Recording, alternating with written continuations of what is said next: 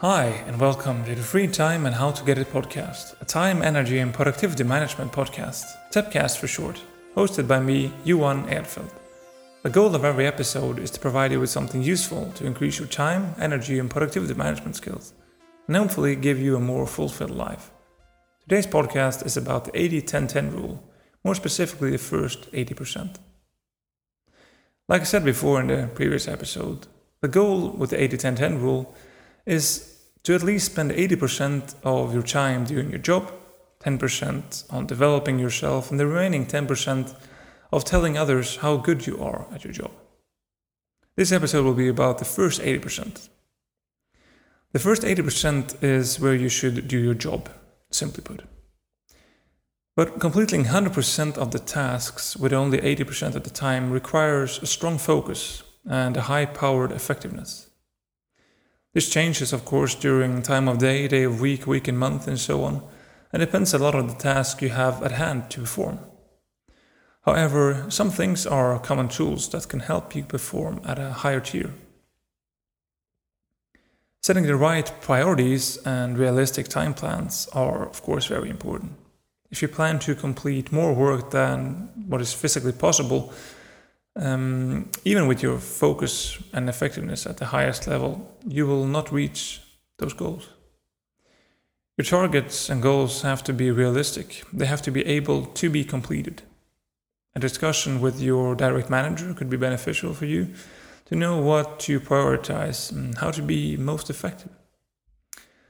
Things that are um, helpful and that have greatly helped me in my studies and professional career have been to have a strong structure and proper planning of the task at hand. I would like to recommend you to spend the first five or ten minutes every day on a sort of action plan for that day. The thing is, when you start your day, you think, what is my plan for the day? What, what are my musts? What are the deliverables? What do I have to do? Who should I approach during this day? And are there any critical emails that I have to be sent? And uh, what sort of completeness do I need to achieve for this day to be successful? There are, of course, many ways of doing this. A simple way is just to note down on your phone, computer, or on a post it note what you should do, a task list.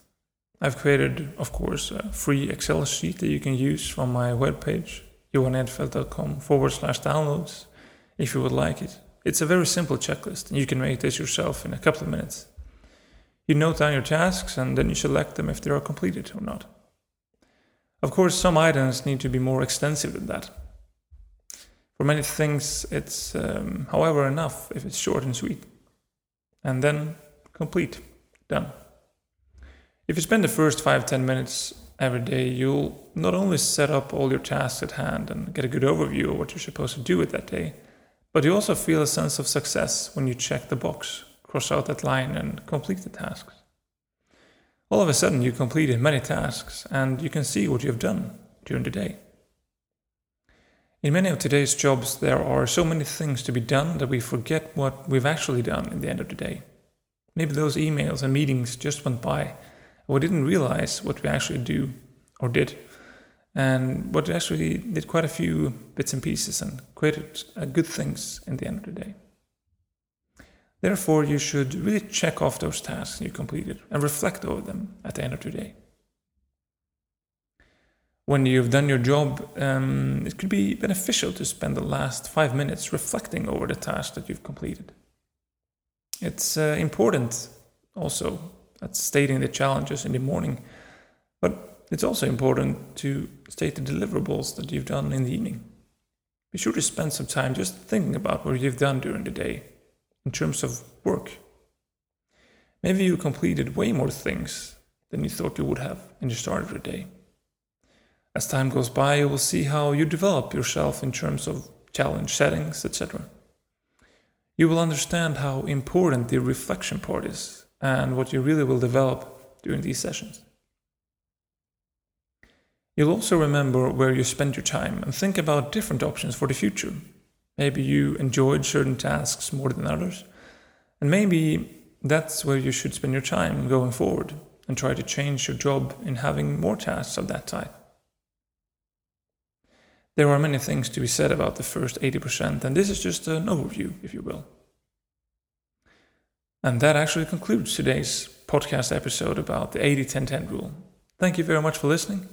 Send in your questions to the freetimepodcast at gmail.com and I'll gather them in a Q&A session once in a while.